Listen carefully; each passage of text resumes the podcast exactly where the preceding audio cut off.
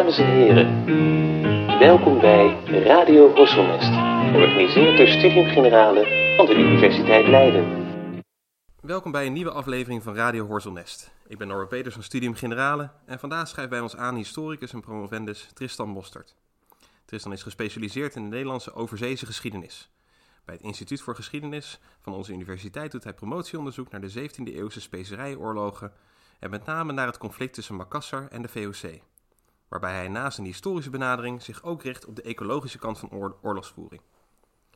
Samen met Tristan duiken we in de specerijenhandel en de specerijoorlogen van de 17e eeuw, waarbij we vooral de focus zullen leggen op de geschiedenis van een kleine archipel in de zuidelijke Molukken, de beroemde Banda-eilanden. Het betreft hier een sikkelvormige groep van elf eilandjes, waarvan de grootste Lontor, Bandanera, Run, Ai en Rosengane heten met in het midden de vulkaan Gunung Api. Destijds was dit de enige plek ter wereld waar de specerijen nootmuskaat en foelie, beide afkomstig van de nootmuskaatboom, werden verbouwd en verhandeld. Dit jaar wordt herdacht dat precies vier eeuwen geleden, in 1621, gouverneur-generaal en zeevoogd Jan-Pieter Sankoen de Banda-eilanden op bloederige wijze tot handelskolonie maakt van de VOC. Hiervoor gaan wij in gesprek met Tristan Mostert. Tristan, welkom. Dank je. Laat ik om te beginnen, ik zei het al even kort in de inleiding, vragen naar waar jouw promotieonderzoek over gaat. Ja, mijn promotieonderzoek gaat in veel bredere zin over de specerijoorlogen. Dus um, Banda is, is een soort redelijk bekend en krachtig symbool van, van, van het soort beleid dat de Nederlanders daar optuigden. Hè? We willen een monopolie. Uh, dit specerij groeit alleen daar, dus we gaan dat goedschiks of kwaadschiks ja. naar ons toe trekken. Er waren heel vergelijkbare conflicten over bijvoorbeeld de kruidnagel, die ook uh, veel langer duurde. Kruidnagel groeit ook slechts in de Molukken, maar op veel meer plekken. Ja. Um, dit soort oorlogen breiden zich ook uit. Je noemde Makassar, is heel belangrijk in mijn onderzoek. Dus dat is een belangrijk uh, um, uh, haven waar, waar, de, waar die dingen worden doorverhandeld. Dus mm -hmm. waar de Nederlanders ook dan controle over willen krijgen om dat monopolie maar vol te houden.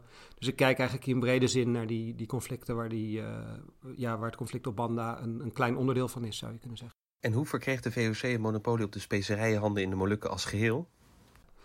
Um, om, ik denk om het in heel grote lijnen begrijpelijk te maken, moet je iets verder terug. Dus de, de grap is, de, de Nederlanders uh, komen daar en passen al gauw in de Engelse literatuur wordt het altijd een protection tribute scheme genoemd. Dus die ja. zeggen bijvoorbeeld tegen de sultan van Ternate, die het op dat moment aan de stok heeft uh, met de Spanjaarden, van hey, wij willen jullie wel helpen tegen die Spanjaarden, -hmm. maar um, jij bent de baas over allemaal kruidnagelproducerende gebieden. Kunnen wij dan afspreken dat in ruil voor die steun uh, jullie de kruidnagel voortaan alleen nog aan ons uh, leveren? Nou, die sultan van Ternate gaat daar in 1607 mee akkoord.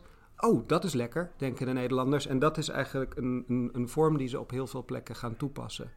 Het interessante aan die sultan van Ternate is... die is dus niet alleen de baas over zijn eigen kleine vulkanische eilandje... maar die ja. is de baas over heel grote delen van de Molukken. Althans in, uh, in naam. Dus eigenlijk voor die gebieden geldt dat dan ook, wat hij heeft afgesproken. En dat wordt eigenlijk een soort wig van de Nederlanders... waarmee ze proberen inderdaad um, die, uh, die specerijenhandel in handen te krijgen. Wat je alleen vaak ziet, en West-Seram, Hoamoal is daar een voorbeeld van, is dat de lokale bevolking en de lokale adel helemaal geen zin uh, daarin heeft. Dus enerzijds komt er vanuit Ternate een decreet van ja, we hebben deze deal met de Nederlanders, kunnen jullie voortaan je kruidnagel aan hen verkopen. Anderzijds gaan de Nederlanders dat op vaak nogal grove en onhandige manier aanpakken, ook op een manier die helemaal niet klopt met wat er eigenlijk is afgesproken. Dus wat je dan al gauw ziet, is dat die bevolking daar denkt van ja, dit schiet niet op. Uh, aan die, aan die Ternataanse sultan hebben we ook niks. Dus wie kan ons helpen tegen die rot-Nederlanders hier? Um, ja. En dan kijken ze bijvoorbeeld richting Makassar. Ja. Dat is dus interessant om te weten over die oorlogen in algemene zin. Mm -hmm. Het is een heel groot, uitgebreid regionaal conflict met allemaal belanghebbenden die helemaal niet zo uh, bekend zijn. Het is niet alleen de Nederlanders die daar komen en de lokale bevolking uh, in elkaar slaan vanwege het monopolie. Het is, het is veel groter. Veel meer machtsfacties komen daar, komen daar samen eigenlijk ja. in dat gebied. Want je hebt natuurlijk ook, ook nog de Chinezen die er zitten. De Portugezen noemde je al, de, de Spanjaarden, op termijn ook de Engelsen. En natuurlijk dan de VOC. En dan heb je natuurlijk nog al deze lokale uh, sultanaten. En uiteindelijk wordt het ook, uh, gaat de VOC ook over tot aanval van, van en inname van Makassar. Ja, dat, dat is... is... een aantal jaar daarna. Dat klopt, ja. ja. Maar als het inderdaad plaatsen, uh, ik vond het wel een mooie quote in, in um, het boek uh, Koopman in Azië van uh, Els Jacobs. Die schrijft: Het hele Nederlandse avontuur in Azië, de oprichting van de VOC, het bouwen van een Aziatisch handelsnetwerk, was oorspronkelijk om niets anders begonnen dan de uiterst lucratieve handel in specerijen. Zwarte peper en de fijne specerijen, kruidnagel, foelie en nootmuskaat en later ook kaneel.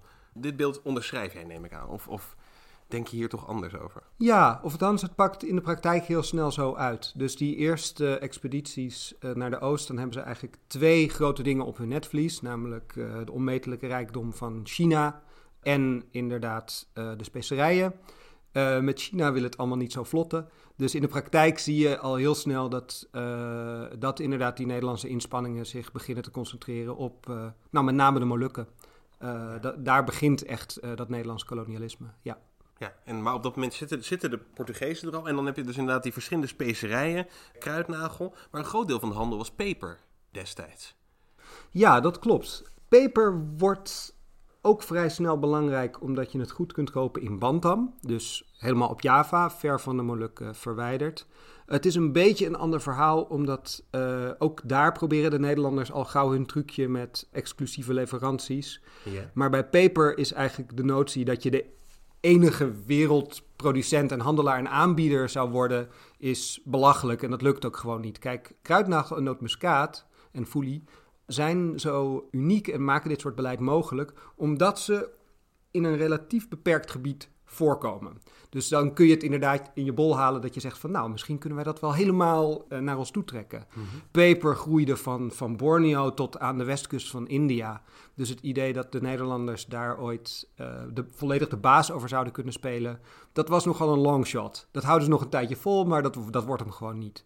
Uh, en dat is wel een, een wezenlijk verschil. Dus inderdaad wel pogingen tot, tot exclusieve leveranties, ja. maar nooit een soort realistische uh, ja, het, het, komt nooit tot een, ook maar in de buurt van een monopolie, zal ik maar zeggen. En dat geldt voor die andere specerijen natuurlijk wel. Ja, je kan dat inderdaad topografisch gezien, kan je, kan je die andere specerijen, die de fijnere specerijen, kan je veel beter macht over krijgen. Ja. Um, en natuurlijk met kaneel lukt ze dat ook. Dat -hmm. is in een helemaal een ander gebied. Dan zitten we in uh, het huidige uh, Sri Lanka. Dat lukt de VOC wel om dat uh, destijds in, in, in de macht te krijgen. En dan hebben we natuurlijk inderdaad de, de, de nootmuskaat en de foelie die ons brengen naar, naar Banda. Hoe komt men eigenlijk in eerste instantie op Banda? Hoe kende men Banda al voordat men überhaupt daar kwam? Was er, waren er al bronnen over? Ja, uh, men wist van het bestaan van Banda. Uh, Banda is bijvoorbeeld bezocht uh, door de Portugezen. En er bestonden ook in die zin beschrijvingen van, dus men, men wist dat het bestond. Banda is, is interessant omdat het al vroeg in de 16e eeuw hebben we wat Portugese beschrijvingen ervan. En in die tijd is het al een soort entrepot.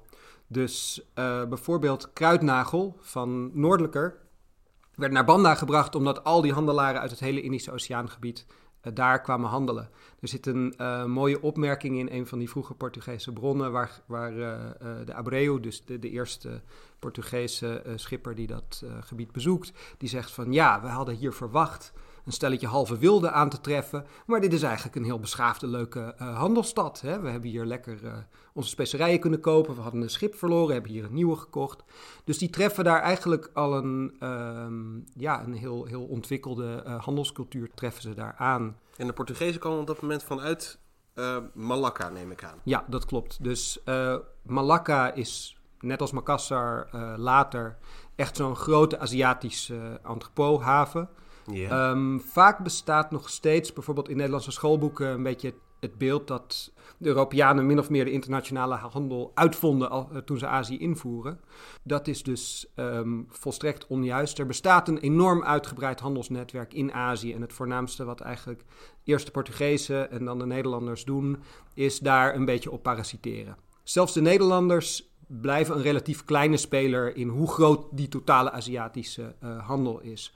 De Portugezen proberen dat parasiteren door een aantal cruciale plekken in te nemen. En Malacca, dus een heel belangrijke haven uh, voor, voor Zuidoost-Azië, eigenlijk de doorvoerhaven ja. ja. in, in, in het huidige Maleisië, niet al te ver van, uh, van Singapore verwijderd. Uh, dus ook geografisch is het zo'n strategisch punt. Hè? Dus ja. je hebt daarnaast wat nog de straat Malacca wordt genoemd. Als je van Oost- en Zuidoost-Azië naar de Indische Oceaan wilt, zul je doorgaans daar langs moeten. Daarom is daar een grote stad en daarom denken de Portugezen ook, daar moeten we zitten. Weet je wel, dan, uh, dan kunnen we die hele handel controleren. Nou, dat nemen ze met enige moeite nemen ze dat in in 1511. En dat is eigenlijk, uh, daar worden die specerijen naartoe gebracht door allemaal lokale handelaren. En dat is eigenlijk voor hen ook aanleiding om te denken, nou, laten we zelf eens gaan kijken waar dat vandaan komt. En een aantal maanden na de inname van Malacca sturen ze inderdaad een vloot die kant op. Die vloot vaart ook nog langs Java, doet van alles. Komt op de kust van Seram wederom en hoort daarvan: Oh, als jullie willen handelen en dan ook een nieuw schip nodig hebben, dan mhm. moeten jullie naar Banda. Weet je wel, dat is, dat is waar de handel zit. Daar gaan ze naartoe, vullen daar uh, hun ruimen en gaan uiteindelijk inderdaad weer, uh, weer terug naar Malacca. De grap is dat de Portugezen juist daar uiteindelijk nooit echt een voet aan de grond krijgen. Dus bijvoorbeeld in Ambon en ook in Ternate, dus waar de kruidnagel wordt geproduceerd. Daar weten ze die sultan echt aan zich te binden. Daar weten ze een deel van Ambon weten ze uiteindelijk te veroveren. Daar verwerven ze echt politieke macht. Dan zie je ook fortificaties die van, van Portugese oorsprong zijn, uh, vind ja, je daar. Ja, precies. Ja. op Banda dus uh, ja, feitelijk niet. Uh, dus daar, daar komen ze wel om te handelen. Er is trouwens niet eens heel veel bekend van wat de Portugezen daar uitspoken allemaal in de 16e eeuw. Maar wat je wel ziet is dat ze er nooit op, in politieke zin een voet aan de grond krijgen. En dat ze dus daar blijven komen gewoon als brave handelaars, veel meer dan als, uh, als veroveraars. Ja, maar je ziet dus inderdaad dat het op, in, in die tijd, op het moment dat ze daar komen, is het eigenlijk al een soort wereldmarkt, alleen dan in, in Azië, waarbij je ongetwijfeld Chinese handelaren aantrof, islamitische handelaren en natuurlijk handelaren uit, dat hele, uit het hele gebied. En wat zie je eigenlijk gebeuren daarna? Hoe zie je eigenlijk dat, dat na de Portugezen, hoe, hoe komt het zo dat op een gegeven moment de, de, de Engelsen en ook de Nederlanders ook banda gaan aandoen? Goed, dus dan heb je het eigenlijk over een, een Europees verhaal van het kolonialisme. Namelijk dat die uh, dus de hele 16e eeuw lang hebben Spanje en Portugal eigenlijk de wereld zo'n beetje tussen zich verdeeld. Dus die, die, zijn de enigen die eigenlijk deze overzeese handel bedrijven. Wat je ziet aan het eind van de 16e eeuw. Nederland en Engeland zijn uh, in oorlog met, uh, met Spanje bijvoorbeeld. En die beginnen zelf hun eigen koloniale ondernemingen op te zetten. En doorbreken eigenlijk dat, dat monopolie. En zijn, zijn op zoek naar natuurlijk diezelfde producten. Dus de Nederlanders richten zich ook al gauw bijvoorbeeld op die Molukken om te kijken of ze daar diezelfde bijzonder waardevolle specerijen kunnen gaan kopen. En als ze daar voor het eerst aankomen, nog voor de oprichting uh, uh, van de VOC, eh, dan gedragen ze zich ook, net als de Portugezen dat de eerste keer doen, keurig als handelaars, komen aan, betalen hun havengeld, kopen de nootmuskaat en de foelie. Nog wel interessant in het licht van wat er daarna gebeurt, is dat ze merken dat de Pandanezen vooral heel veel interesse hebben in Europese wapens en wapenrustingen. Nou, geen probleem, dan verkopen we die toch. Um, dus dat begint eigenlijk heel. Uh, um, ja, gewoon zij sluiten zich aan in de rij van uh, handelaars die die eilanden al, uh, al aandoen. En je ziet eigenlijk dat die, die verdragen en zo, dat, dat komt in het kielzog daarvan. Dus je ziet die relatie eigenlijk stapsgewijs uh, veranderen in de loop van de jaren. En zijn het dan bijvoorbeeld de Portugezen die hun tippen? Daar moet je heen, want ongetwijfeld, ongetwijfeld concurrenten waren, hebben ze ongetwijfeld elkaar ook zo nu en dan wel eens geholpen. Hoe worden ze getipt over waar Banda überhaupt ligt? Oh ja, belangrijk om te weten is dat de Nederlanders, laten we zeggen, een soort uh, handboek hebben tot het ontmantelen van het Portugese imperium. En dat is de itinerario van Jan Huigen van Linschoten. Dus dit is ook de tijd met de noordelijke en de zuidelijke Nederlanden. Je hebt deze man van Nederlandse komaf, die werkt in het Portugese imperium voor de bisschop van Goa. En schrijft een dik boek over uh, hoe dat allemaal in elkaar steekt in, uh, in Azië.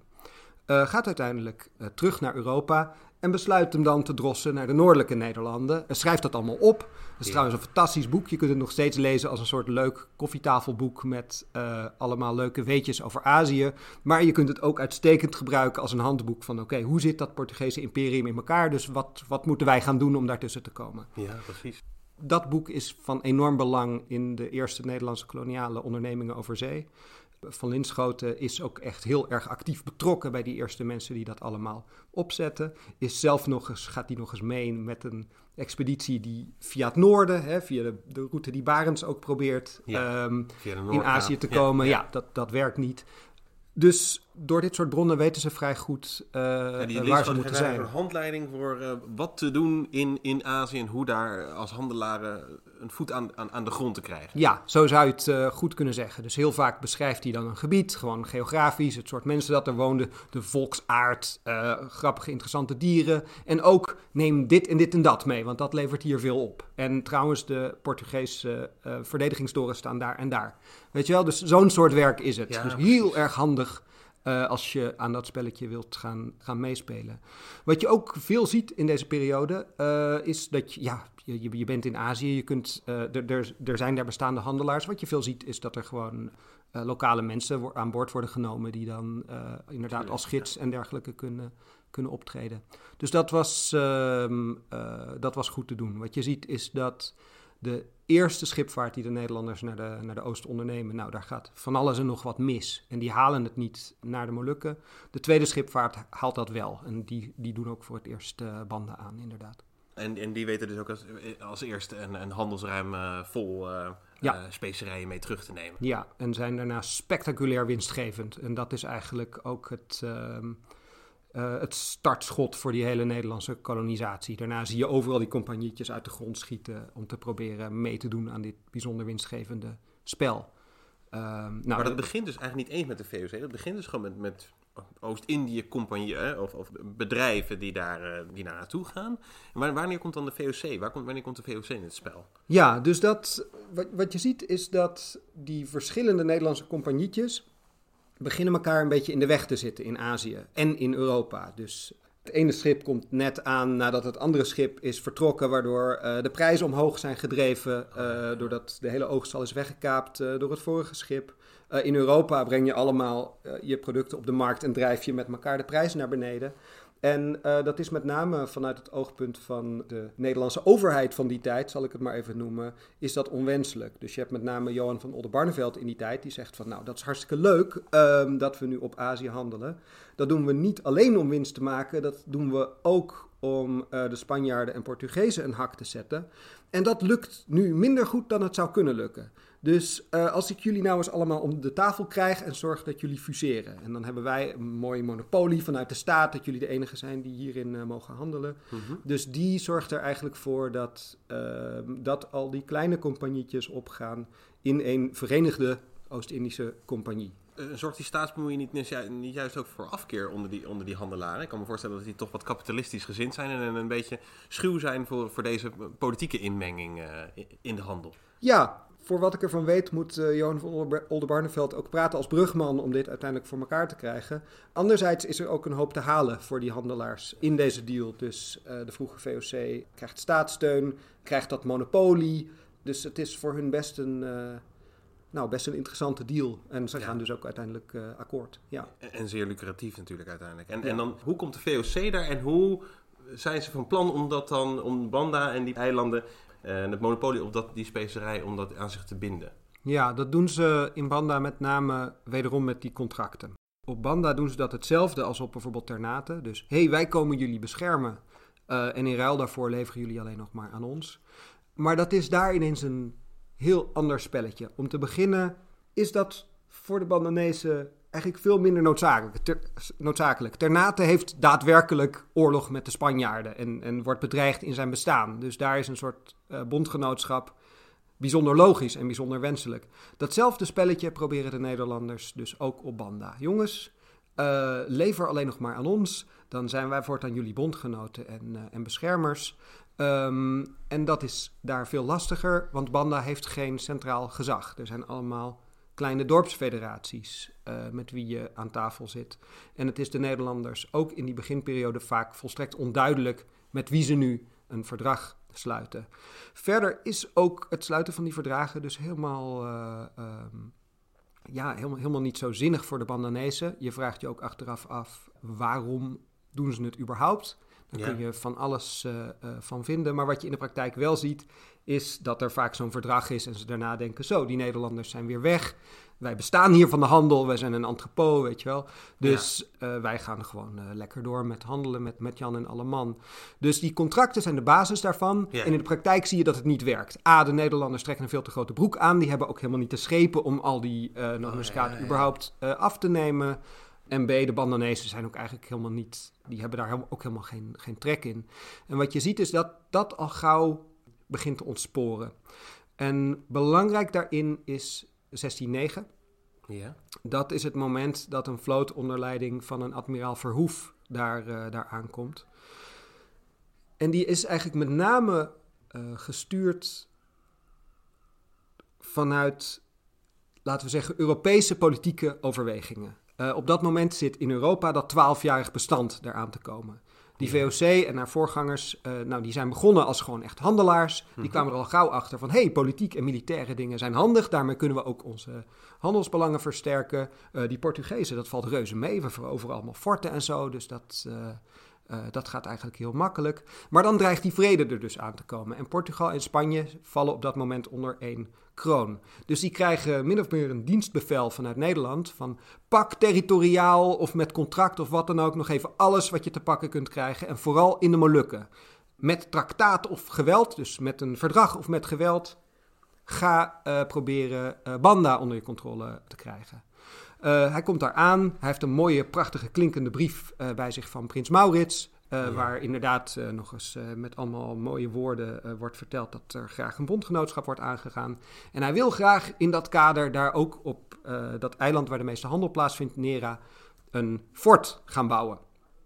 En dat is eigenlijk voor de Bandanezen onacceptabel, want die zien daar hun politieke onafhankelijkheid. Die, die begrijpen natuurlijk precies wat dat, wat dat, dat doet. Geen, dat is geen handelsfactorij, dat is gewoon een militaire occupatie. Precies. Hiermee ja. wordt controle over ons uitgeoefend als we dit toestaan. Uh, en we hebben het nog nooit iemand anders toegestaan.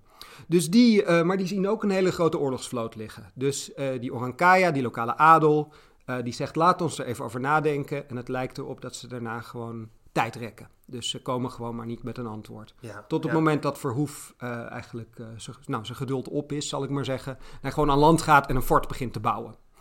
Kort daarop krijgt hij te horen door een boodschapper... oké, okay, we, we willen wel onderhandelen. Ontmoet ons daar en daar maar een stukje verderop op Nera. Daar gaat hij op de afgesproken tijd uh, naartoe.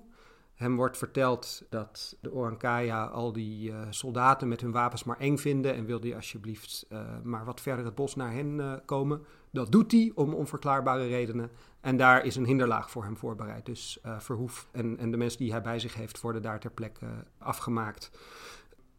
Vallen iets van 40 doden. De Nederlanders schrikken zich wild. Gaan eerst rustig door met het bouwen van hun fort en beginnen daarna aan een soort wraakcampagne. Branden een heel aantal steden af rond heel Nera, nemen die in, branden ook nog wat steden op Lontor af en zeggen daarna eigenlijk gewoon: uh, wij hebben Nera hierbij veroverd. Dat is nu, uh, het is nu ons eiland. En wat je ook en, ziet. En dan voor het topografische, dus een Nera is eigenlijk een van de grotere eilanden die, die pal ligt naast. Ja, wat eigenlijk een enorme kegel is van een, van een, van een vulkaan. Klopt, ja. Je hebt die vulkaan, de Gunung Api, de vuurberg. Uh, net ten oosten daarvan uh, ligt een redelijk groot eiland uh, genaamd Nera. En dat is eigenlijk een beetje het, het handelscentrum van de eilandengroep in de tijd dat de Nederlanders daar aankomen. daaronder ligt een nog groter eiland genaamd Lontor. En al die andere eilanden zijn wat kleinere eilanden die wat, doorgaans ook wat... Uh, wat verder, uh, verder af uh, liggen. En dat is maar, ik zei het al even in de inleiding, hoor, maar dat is maar ex, dat is extreem klein, ja. die eilanden. Het is miniem. Het is zo'n beetje de Waddeneilanden minus Texel. met tien verstanden dat de, die centrale eilanden dus ook veel dichter op elkaar liggen. Dus je, je kunt echt de Gunung Api en Nera kun je vanaf Lontor zien liggen.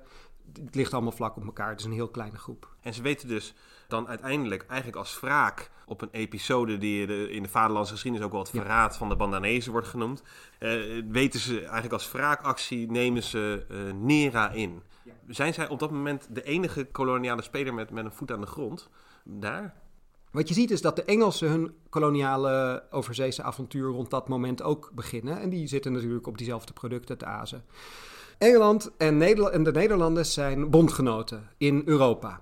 Maar in de praktijk worden ze in de Oost natuurlijk rivalen. Ze zitten op diezelfde producten te azen. En de Nederlanders krijgen dus al gauw, hoe ze het noemen, een wat meer monopolistische mentaliteit. Hebben zoiets van, we hebben een deal, we investeren hier in forten en zo. Dus jullie gaan je verdorie ook houden aan die, uh, aan die verdragen van ons. En die Engelsen ja. proberen daartussen te komen. Dus wat je ziet is dat de Portugezen eigenlijk vrij snel uit beeld verdwijnen in die Molukken. En dat de Engelsen de nieuwe rivaal worden. Je mag eigenlijk niet openlijk met elkaar vechten, want uh, je, je bent een vertegenwoordiger van je land in Europa en het is vrede. Maar in de praktijk zie je dat die twee elkaar steeds meer naar het leven gaan staan. En de Nederlanders veroveren dus uh, Nera. En de Engelsen die strijken ondertussen neer op twee van die kleinere eilandjes verderop, uh, Ai en Roen. En die gebieden die nog niet onder de Nederlanders vallen, die zijn niet heel blij met die Nederlanders. En die verkopen maar liever hun, hun nootmuskaat aan bijvoorbeeld Roen, waar de Engelsen het kopen en waar ondertussen al die Aziatische handelaars ook maar blijven komen.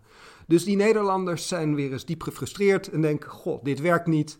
Wat moeten we doen? Ja, nou, die andere eilanden ook maar gaan veroveren. En wat je eigenlijk ziet na 1609 is dat het gewoon oorlog is. Uh, dus die Nederlanders proberen de rest van de eilandengroep te veroveren. Ai uh, wordt aangevallen in 1615, lukt niet, maar in 1616 valt het wel. Ja. Um, op Roen houden de Engelsen nog um, uh, stand, zal ik maar zeggen. Dat, dat blijft, uh, blijft van hen. Um, maar feitelijk is er op dat moment gewoon een, een, openlijke oorlog tussen de Nederlanders en een belangrijk deel van, uh, van de Bandanese bevolking buiten, buiten Nera. Maar je ziet dus eigenlijk dat die Bandanezen beginnen nu naar de Engelsen toe te, toe te trekken. Je ziet eigenlijk dat, die nou, Nederlanders toch, dat ze die Nederlanders toch een beetje de rug toekeren. En dat de handel zich, of, of zeg, ik dat, uh, zeg ik dat verkeerd? Nou, het klopt wel. Maar het is ook wel belangrijk om erop te wijzen dat de Engelsen eigenlijk hetzelfde spelletje aan het spelen zijn. Zij het minder succesvol. Dus, oh, oh ja, jullie ja. worden geterroriseerd door die Nederlanders en die hebben jullie van, je, van jullie eiland afgeschopt. Nou, als jullie je onder de koning van, uh, van Engeland stellen, willen we jullie wel helpen. Oh, en dat is ja, natuurlijk onder de omstandigheden is dat uh, misschien best een prima deal. Maar als je het, uh, dus bijvoorbeeld Martine van Ittersum heeft daar veel over geschreven en die zegt van ja, eigenlijk komen die Bandanezen uh, daar in een soort spiraal naar beneden vast te zitten. Ja, weet je wel, je kunt die Engelsen wel als een soort helden en als een soort redelijk alternatief uh, neerzetten, maar daar valt ook een hoop op af te dingen. Het, het, het, voornaamste dat je erover kunt zeggen is dat de Bandanezen klem komen te zitten tussen de Nederlanders, de Engelsen en nou ja. Ja, ja, in 1609, je zei het net, komt dus Verhoeven met die grote legermacht. Maar die wordt eigenlijk in ieder geval de top daarvan, die wordt in de, in de pan gehakt als wraak gaan ze dan alsnog, of nemen ze Nera in een van die eilanden en beginnen ze daar alsnog aan het bouwen van een, uh, van een fortificatie. En dan vervolgens zeg je inderdaad, eigenlijk beginnen dan, dan steeds meer gewapende conflicten te ontstaan in de periode daarna, waarin de Nederlanders proberen weer de Engelsen van Banda af te, af te trappen. En dan uiteindelijk komt dat tot een, um, dat, dat gewapende conflict komt tot een soort overturen op het moment dat in 1621 Jan Pieterszoon Koen aankomt. En hij was onderdeel van de eerdere expeditie van Verhoef. Ja, hij is in een nog vrij, als een uh, junior, zullen we maar zeggen, is hij uh, aanwezig bij, uh, bij die gebeurtenis in 1609. we weten niet precies waar hij was, maar hij, hij zal op de vloot zijn geweest en hij heeft er in die tijd van gehoord. En wel interessant is dat veel van de biografen van Koen blazen dat helemaal op. Dus die zeggen van ja, hij wist dat nog, dus hij had een persoonlijke hekel aan die Bandanezen, vond ze niet te vertrouwen. En in 1621 kon hij eindelijk zijn grote wraak nemen. Nou, voor zover dat een rol heeft gespeeld, blijkt het niet uit wat hij in der tijd op, op papier heeft gezet. Dus hij verwijst helemaal niet naar 1609 in al die dingen uh, die hij daarover schrijft. Wel is Koen in de tussentijd enorm opgeklommen in de, in de VOC-rangen. Uh, en is hij een enorm uh, voorstander van inderdaad dat soort monopoliebeleid. En is hij heel erg van de lijn van, nou, we investeren enorm militair. Dus uh, ik vertrouw al die lokale vorsten ook niet. Dus we moeten gewoon onze rechten die we hier hebben opgedaan, uh, desnoods met harde hand kunnen handhaven. Dat is heel erg zijn beleid. En er zijn heel erg in die tijd ook veel mensen binnen de VOC daar heel erg tegen. dus Koen werkt vooral vanuit Bantam in, in, in zijn vroege carrière, kent, kent dat gebied goed iemand als Reaal, die voor hem een tijd lang gouverneur-generaal is, die zit op Ternate, die heeft een goede relatie met de sultan daar, uh, die kent de lokale situatie en die zegt van ja, zo moet je het niet gaan doen, tenzij je ruzie wilt. Um, dus je ziet eigenlijk al dat binnen de VOC er al een, een, gespletenheid is, eigenlijk al hoe ze dat moeten aanpakken in die overzeese gebieden. Ja, dat klopt. Met name in de jaren tien uh, zie je dat er echt heel erg een tijd lang twee scholen zijn. Dus je hebt uh, mensen als Van der Hagen, Reaal, uh, Artus Gijsels in die tijd, die, die heel erg inderdaad geloven van oké, we, we kunnen gewoon deze handel hier naar ons toe trekken op een soort eigenlijke manier. We hebben grotere schepen, we kunnen die lokale handelaars er gewoon uitconcurreren. Het helpt daarvoor om te investeren in een goede relatie met de lokale vorsten. Ja, die zijn ehm, van, van de vriendelijke aanpak, zal ik maar zeggen. En dan heb je inderdaad mensen als... En een handels, echt een handelsgedreven aanpak eigenlijk. Niet, Ja. een, eh, niet te veel militaire occupatie, niet te veel gewapend conflict. Klopt. Nu, nou ja, dat kun je ook. eh, da- dat is wel eens te zwart-wit geschetst. Want zij zijn bijvoorbeeld eh, wel heel erg, zeg maar, zij zien wel echt iets in dat verdrag met de Sultan van Ternate. Dus die, ze zijn wel op dat punt ook, oké, jullie leveren exclusief, wij helpen jullie. Eh, maar waar Oh, zij ja, tegen ja. zijn, is eh, wat, wat de VOC bijvoorbeeld gaat doen op en rond Ambon, is enorm eigenlijk buiten de perken van dat verdrag. En zeggen van oké, we willen ook andere handelaars hier eigenlijk niet meer zien, want die drijven ook de prijzen naar beneden. Dus die gaan eigenlijk dat verdrag eh, misbruiken, zal ik maar zeggen. En daarvan zeggen mensen als Reaal en Gijsels en zo van ja, daar ga je niet winnen. Dat, de mensen hier zien ook wel dat dat eh, niet in hun belang is, zal ik maar zeggen. Ja. Dus die zijn niet voor, voor een pure handelscompagnie, maar zijn wel voor een compagnie gebouwd op een goede verstandhouding eh, met de bewoners van de Molukken. En mensen als Koen, die bezien dat allemaal van een afstandje, die kennen die mensen, die, die, die, die leiders in de Molukken niet persoonlijk, die vertrouwen ze voor geen cent en die zeggen van ja, nee, als het van hun af moet hangen, nee, we moeten gewoon genoeg slagkracht daar hebben om onze wil te kunnen opleggen. En dat is waar ze op, eh, op inzetten. Ehm, en als En on- dat is dus gewoon inderdaad zijn instelling. Dat was niet dus gedreven vanuit een soort retributie of een soort eh, wraak op, op, op, op die eerdere, op die eerdere actie. Maar veel meer gewoon, dat was zijn instelling. Zijn Ja. instelling was, we moeten daar eh, militair eigenlijk eh, aanwezig zijn. Ja, er, er blijkt althans niks van, inderdaad, dat er een soort persoonlijk motief in zat. En je moet natuurlijk niet vergeten dat het in de tussentijd gewoon twaalf jaar lang oorlog is geweest. Ja, ja dus, het, weet je wel, dus die rol van het begin van die oorlog, ja, dat, eh, ja, dat, dat, zal, wel, dat zal niet heel belangrijk zijn geweest, zullen we maar Nee. zeggen. Ehm, hij wil die oorlog eh, echter wel eh, beëindigen. En eh, daarmee komt hij dus in eh, 1621 met een enorme vloot komt hij in, in de Banda-eilanden aan met als expliciet doel om Lontor, dus het, Mhm. dat grootste eiland en een van de eilanden waar ze nog geen controle over hebben, te veroveren. En dat resulteert uiteindelijk in de ontvolking van het, eh, eh, van het hele eiland. Ja, en als we dan nog iets, iets terugdraaien, kan je, kan je toelichten hoe, hoe, hoe komt hij daar in eerste in, in- instantie aan? Ik bedoel, ongetwijfeld wederom met enorm machtsvertoon, een grote vloot. Maar eh, ik bedoel, hij wil een einde maken aan die strijd. Hoe, hoe, hoe kan je dat nog iets meer toelichten of nog iets meer context daarbij schetsen? Ja, nou wat hij, wat hij wil is. Hij heeft wederom eh, vanuit Nederland een dienstbevel gekregen van. Nou, ga het maar oplossen daar op Banda, goedschiks of kwaadschiks. Voor zover wij kunnen bepalen, is zijn aanvankelijke plan om het eiland gewoon te onderwerpen. Dus te zorgen dat de bevolking zich aan hem overgeeft, dat ze daar een fort mogen bouwen. En dat zij eh, de eh, Nederlandse stadhouder als hun soeverein erkennen. Dus echt een verovering. Interessant is dat er nog ook een, een lokale onderhandelingspoging is, zullen we maar zeggen. Ehm, nou, mi- misschien voert dat te ver, sorry. Ehm, Nee, dat uit. moeten we apart bespreken. Maar eh, in ieder geval, het doel lijkt te zijn geweest om het gewoon te veroveren. En de lokale bevolking te onderwerpen. Wat je ziet is, ze vallen, eh, een van de steden daar op dat eiland vallen ze aan, Ortatan. Dat lukt aanvankelijk niet. Via een list lukt het later wel. En al vrij gauw begin, beginnen de Bandanese Orankaya, eh, geven, zich, geven zich over. Eh, maar wat Koen enorm frustreert, is dat ze zich overgeven en het wederom een poging lijkt te zijn om gewoon tijd te rekken. Dus dat ze eh, zich overgeven en daarna meteen beginnen weer nieuwe forten te bouwen in de bergen, et cetera. En zich Zo. hergroeperen en Ja. eigenlijk proberen elke keer eh, weer opnieuw eh, slagkracht te verenigen. Ja, en dat leidt er op enig moment toe dat, dat Koen besluit... nou, als het zo moet, dan, dan schop ik jullie wel allemaal van het eiland af.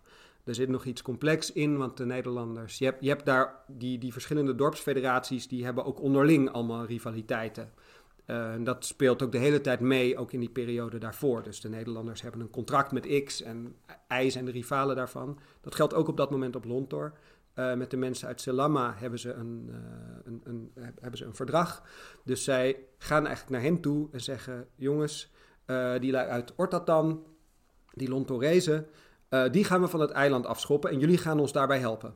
En die eh, mensen uit Selama, die, die knikken wel braaf, maar die zien dat ook niet helemaal zitten wat daar gebeurt. Dus Ja, die, ja. eh, die doen niet mee. En dat leidt een, een paar dagen later ertoe dat Koen zegt: Oké, best, dan allemaal eraf. En Ja. Wat Ze lijken eigenlijk ook helemaal geen begrip te hebben van hoe de interne structuren, eh, de, de machtsstructuren op, op die eilanden zijn. Ook de hele tijd de gedachte dat als je dan maar een verdrag tekent met mensen daar, dat dan iedereen zich daaraan gaat houden enzovoort. Maar eigenlijk zie je dat daar alleen al in die kleine eilanden-archipel zie je allerlei verschillende machtsfacties die allemaal verschillende interne verhoudingen met elkaar, met elkaar eh, hebben.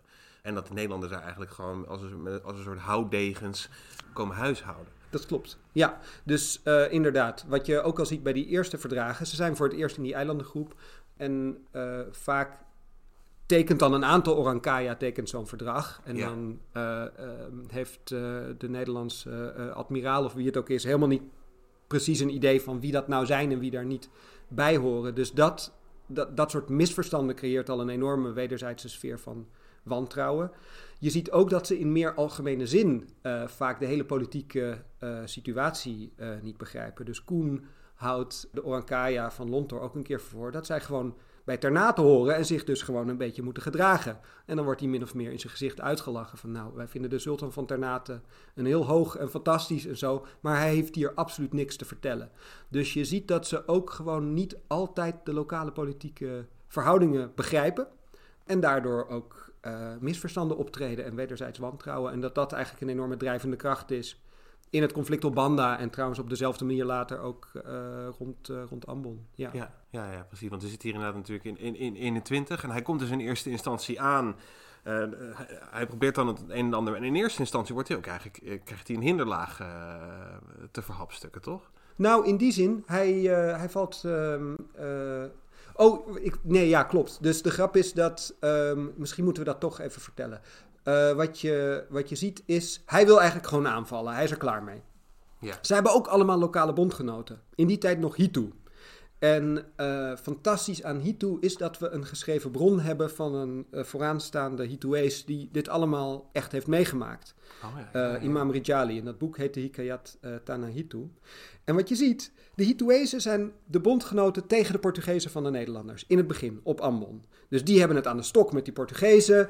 En nou, weer precies hetzelfde verhaal. Kom ons helpen. Ja, Eh, ja, nou, ja. goed. En dan maken we een dealtje over die kruidnagel. Nou, de Nederlanders veroveren het Portugese fort. En zijn op papier, eh, en in die tijd ook nog echt, bondgenoten met de Hituezen. Ja. Ze hebben het vervolgens aan de stok met de Bandanezen. Banda en Hitu zijn van oorsprong vrienden. Dus wat zie je daar gebeuren? Eh, de Nederlanders gaan naar Lontor om daar de boel op te rollen. En je ziet die Hituezen, zie je van...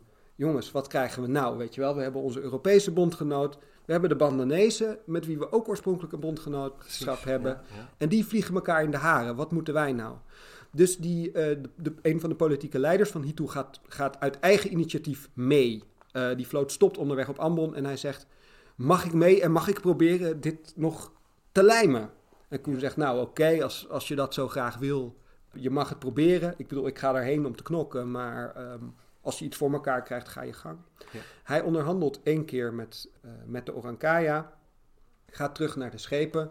Dan zou er de volgende dag weer onderhandeld worden. En de Nederlanders horen dan al dat eh, er dan waarschijnlijk een hinderlaag klaar zal liggen. En die staan, eh, die, die kapitein Hitu, zoals hij heet, gewoon niet, niet eens toe om weer terug te gaan. Dus die onderhandelingen worden eigenlijk afgebroken. Het is duidelijk dat ook de, de Bandanezen, de, de Lontorezen, gewoon eh, ook willen vechten. Weet je wel, die, eh, eh, die, die, die, Die zijn er ook eigenlijk klaar. ja, die zien eigenlijk die zien geen kans van om slagen. te zien. Dus deze, inderdaad, deze kapitein Hitu. En, en dus Hitu, ja, het is even inderdaad lastig misschien geografisch. Maar Hitu is inderdaad dus het, eh, één van de schiereilanden van Ambon. Je hebt Mhm. Timor en Hitu. Dit is dus inderdaad een, een hoofdfiguur, een Or- Orankaya, een edelman van, van Hitu.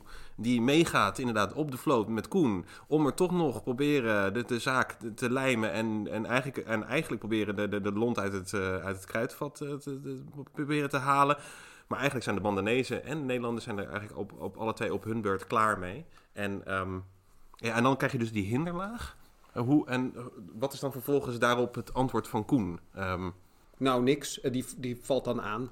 Dus eh, een, een, een paar dagen later valt hij eh, eh, de stad Ortatan aan, een van de grote steden op Lontor. Dat lukt overigens niet, want een van de dingen die... Nou ja, nog steeds zijn gewoon natuurlijk die Bandanezen zijn goed georganiseerd. Die hebben van de Engelsen hebben ze gewoon eh zwaar kaliber kanonnen weten te kopen. Bandanese steden, anders dan soms wordt gedacht, zijn gewoon goed verdedigd, ommuurd, et cetera. ja. Dus Koen valt zo'n stad head-on aan en wordt gewoon van de muren geschoten. En, Ja, en moet dat opgeven. Dus ze nemen die stad uiteindelijk eh, in. door een vrij complexe operatie waarbij ze met een afleidingsmanoeuvre troepen landen aan de andere kant van het eiland, die vervolgens over land het hele eiland overtrekken en de stad vervolgens in de rug aanvallen. Dus het is bepaald geen, geen koud kunstje om Lontor in te nemen. Er wordt echt hard tegen hard gevochten en de Bandanezen zijn daar goed in, zal ik maar zeggen. Ja, kunnen ze goed verdedigen tegen die. Ja, En, en dan hebben ze tegelijkertijd hebben ze dus een groep die, want het is een heel hoog gelegen fort daar op, op, op Lontor. Er zijn natuurlijk sowieso is het een serie van vulkanische eilanden, dus het is, eh, het is allemaal wat grillig qua, qua eh, En dan laat hij een groep in met ladders en touwen, laat hij via de, de, de steilste rotskust, laat hij dan die eh, vesting eh, beklimmen. Of in Ja, ieder geval de vesting die er bovenop ligt. Niet, niet direct de vesting. Dus wat ze, wat ze doen, het zou hier helpen, denk ik ook voor de luisteraars om een kaart te kunnen zien, maar dat is misschien wat lastig. Ehm, eh, dus wat ze doen, Ortatan is op de noordkant. Ja? Nou, dat hebben ze direct proberen aan te vallen, dat lukte niet. Dus wat doen ze? Ze doen een schijnaanval met een deel van de vloot en met de rest van de vloot varen ze naar de zuidkant. En daar is de kust waanzinnig rotsachtig, dus daar kom je alleen naar boven met ladders en weet ik wat. Maar het lukt ze daar om ongemerkt inderdaad een heel aantal eh, soldaten daar gewoon eh, die rotsen op eh, te laten klimmen met ladders, et cetera. En die trekken daarna over land inderdaad naar, naar Ortatan toe. En weten het in de rug aan te vallen. De, beschrijvingen zijn, zijn wel heel beeldend. Dus dat zien de eh Lontorezen zien dat niet aankomen. Er breekt paniek uit in de stad. En dus, het wordt eigenlijk heel slecht verdedigd en vrij snel eh, verlaten vervolgens. Dus ze, mm, ja, het is dus niet dat ze, dat ze direct het, eh, die stad aanvallen. Maar het, het is meer gewoon dat ze vanaf de kant komen Ja, die, de, ja, ja, ja, ja. eh, die de Lontorezen niet, niet verwachten. En die, ja, die hinderlaat die voorzien ze niet. Of in ieder geval die, die, die, die aanval voorzien ze niet. In, en, ehm, en daarmee breekt eigenlijk ook de grootste machtfactie van de, van de Bananezen. Ja, daarmee is het, nou, is, is het verzet nog niet gebroken, maar heeft de VOC een enorme slag gemaakt. En daarna zie je ook dat er, eh, dat er wordt onderhandeld en dat veel eh, van die Lontorezen zich bereid tonen zich over te geven. Hoewel, ja, in de praktijk eh, blijkt het anders, zullen we maar zeggen. Dus je Ja, ziet- want hoe is het gevolg daarop? Dus inderdaad, dus, dus ze hebben Nera al in handen, eh, de VOC. Ze hebben dus nu Lontor eigenlijk op, eh, op de knieën gedwongen. Ehm, en dan hoe, hoe verloopt vervolgens eh, het conflict? Want er Ja. wordt inderdaad dan in de geschiedenisbronnen gesproken van... Hè, dat is eigenlijk de, de eilanden worden ontvolkt, eh, worden, worden onder de voet gelopen door Koen. Eh, mensen worden in slavernij verkocht die het overleven. Er gaan, eh, duizenden mensen gaan, eh, eh, vinden, eh, vinden hun dood op de eilanden. Maar hoe, eh, ja, dus inderdaad dat Lontor en dan hoe, hoe verloopt dat vervolgens? Ja, dus op dat moment, eh, vrij kort daarop, ehm, maakt Koen eigenlijk de beslissing. eh, dus hij, hij ziet grote aantallen Lontorezen naar de bergen trekken. Dus de, de berg is een groot woord, maar je hebt zo'n centrale bergrug eh, op Lontor. Goed verdedigbaar, moeilijk terrein. En hij ziet dat heel veel mensen daar zich heen terugtrekken, dat daar nieuwe forten worden gebouwd. En hij denkt dus, nou, dit is een mooie overgave, zeg. Volgens mij zijn die zich gewoon aan het voorbereiden om, om verder te vechten. Daarop wordt eigenlijk de beslissing genomen om ze dan maar allemaal van het eiland af te halen. Eerst wordt dan dus nog de hulp van hun, eh, eh, nou, een, een, andere stad met wie ze wel een verdrag hebben, wordt daarbij ingeroepen. Nou, die zijn daar dus niet zo happig op. Fine, zegt Koen, dan gaan jullie er ook allemaal af. Ik ontvolk gewoon het hele eiland.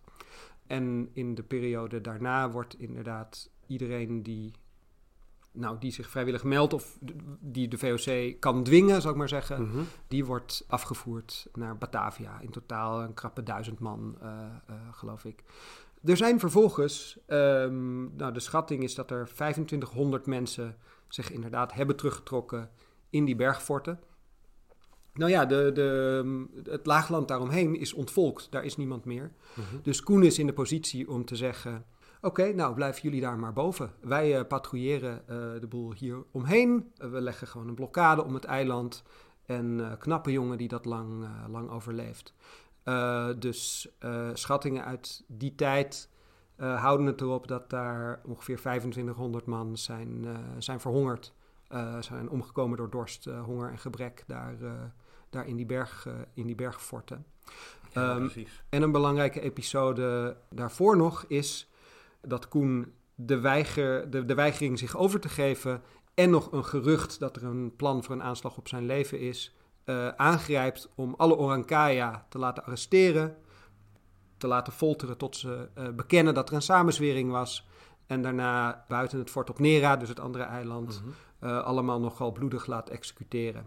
Dus hij, ehm, ja, hij ruimt heel bewust de... Ja, want jij schreef erover dat hij daar zelfs een apart eh, groep Japanners voor heeft eh, ingehuurd, toch? Voor deze executie. Nou, ingehuurd. Kijk, ze waren al ingehuurd. Eh, dus de VOC eh, gebruikt in zijn beginjaren, eh, dat is niet heel bekend, maar ze maken vrij scheutig gebruik van eh, Japanse huurlingen. In Japan heb je daarvoor een lange burgeroorlog, die is afgelopen. En vervolgens lopen er allemaal Japanse vechtjassen rond die eh, vooral heel goed zijn in vechten en, en werk zoeken. Dus de VOC boort dat aan, die, eh, die zijn flink Ja. aan het knokken, die Mhm. hebben behoefte aan soldaten. En een deel van de, van de VOC-troepen die vecht op Bandalontor, dat zijn Japanners. En die hebben een nogal, eh, hoe zullen we het noemen, nogal oorlogzuchtige reputatie Ja. eh, in, in Azië. Ehm, nou, dat werkt dus zowel qua psychologische oorlogvoering als in de praktijk werkt dat bijzonder goed. Maar die krijgen inderdaad, die zijn er dus toch al, die zijn niet speciaal voor de executie daar ingevlogen. Uh, maar die krijgen wel de opdracht van: oké, uh, hakken jullie die Orankaya maar uh, in sommige gevallen letterlijk uh, aan stukken.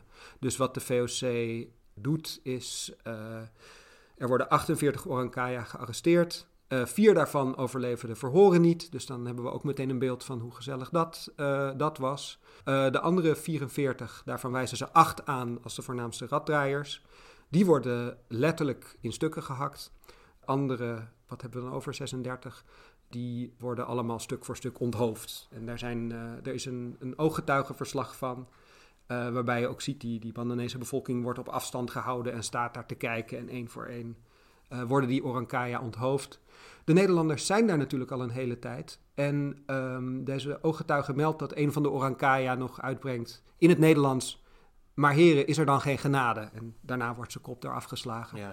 En deze, deze ooggetuige zelf merkt ook op dat zelfs de Nederlandse soldaten zelf zoiets hadden van... jongens, wat, wat, wat zijn we hier aan het doen?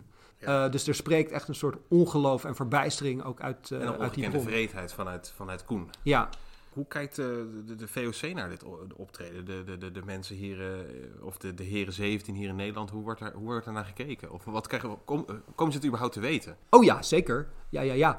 Kijk, dat is het interessante ook aan de VOC, want die schreef dit allemaal toch redelijk keurig op. Dus we hebben ook een goed beeld van wat daar is gebeurd, doordat de VOC dat gewoon uh, netjes optekende. En die uh, maken de opmerking, nou, ik, ik, weet hem niet meer letterlijk uit mijn hoofd, maar de strekking is, uh, nou, we zijn blij, meneer Koen, dat het is gelukt met die Banda-eilanden. Het had wat ons betreft iets minder bloedig gemogen, maar ze geven hem uiteindelijk wel een, een enorme waardevolle medaille voor deze, voor deze overwinning. Dus laten we zeggen, uit naam doen ze nog even foei. Dat had wel wat uh, christelijker Ja. aangepakt mogen worden. Ja, maar in de praktijk zijn ze blij dat het is gelukt. Dat het, ja, het is toch, de ehm, handelsmonopolies gewonnen. Ja, dus het is ook interessant, weet je. Het is uiteindelijk gewoon een bedrijf dat in Europa probeert winst te maken. Dat ook eh, als eerste eh, bedrijf ter wereld eh, permanent in aandelen belegd is. En dat aandeelhouders tevreden probeert te houden. Ja. Dus eh, als dat eventjes heel onzachtzinnig gaat, dan eh, doen zij best even zo. En ze hebben natuurlijk zelf ehm, zich gecommitteerd aan Koens methode. Koen is een, een tijd lang in zijn carrière is hij in Nederland. Dan schrijft hij een discours waarin hij eigenlijk al zijn ideeën gewoon uiteenzet. En daarna zeggen ze dat bevalt ons wel, we benoemen je tot gouverneur-generaal. Nou ja, daarna doet hij het. En Ja. dan heb je dus ook niet te klagen, zal ik maar zeggen. Ja, Ja, precies. Ja, ja, dus er wordt inderdaad alleen eventjes eh, vermanend, wordt die, eh, of wor- worden zijn acties afgekeurd en, dan, en dat is het, daar blijft het dan eigenlijk bij. En eigenlijk zijn ze er ehm, eh, op een bepaalde manier, eh, plukken ze er de, vervolgens de vruchten van en vinden ze dat ook helemaal geen probleem. letterlijk. Ja, Ja. precies. Ja. Ja. Ja, en dan heb je nog een, een, een kleine episode ehm, ehm, die eh, in Engeland in ieder geval heeft geleid tot het, tot, tot het boekje Nathaniel's Nutmeg. Namelijk, er is een klein eiland in Banda, het eiland Run. We hebben het al even gehad over de Engelse occupatie van, van Banda, die dus daar ook komen om uh, nootmuskaat en foelie in te kopen. En die trekken zich uiteindelijk terug op het eiland Run en... ehm, ja, jij, hebt daar nodig over te zeggen, over, dat, over, dat, over, die, over die relatie tussen de Engelsen en de, en, en, en de Nederlanders daar. Ja, nou ja, de grap is dus, Roen, wordt, eh, Roen heeft zich inderdaad formeel onder de, de koning van Engeland eh, gesteld. Eh, en ook een deel van de Lontorezen heeft dat ook. De Engelsen trekken zich terug op het moment dat de Nederlanders deze verovering plegen. Dus ze zijn niet meer fysiek aanwezig in de eilanden. Maar ze hebben op papier uh, nog wel een claim, vinden ze zelf, op Lontor en op Roen. En in al die, uh, er gebeurt daarna, valt nog van alles voor tussen de Engelsen en de Nederlanders. Mm -hmm. Maar in alle onderhandelingen die daar het gevolg van zijn, proberen ze elke keer toch hun juridische claim op, uh, bij voorkeur Lontor, maar toch in ieder geval ook Roen, proberen ze onderschreven te krijgen. En in Europa uh, lukt dat elke keer wel weer. Dus het verdrag van Westminster, ja hoor, Roen is officieel van juli. In de praktijk in Azië weet de VOC alles in het werk te stellen om te voorkomen dat ze daar ook uh, de vruchten van kunnen plukken. Ja. dus ze hakken gewoon daadwerkelijk alle nootmuskaatbomen op het eiland om. Dus ja, ze, ze, ze vernietigen het ecologisch, zullen we maar zeggen. Af en toe komt er nog eens een Engelsman langs. Maar dat lukt nooit echt, zullen we maar zeggen. Mm -hmm. Dus die Engelsen hebben op papier nog een klein stukje uh, banda en hebben er in de praktijk helemaal, uh, helemaal niks meer aan. En uiteindelijk wordt dat in de Vrede van Breda na de Tweede Engelse Oorlog.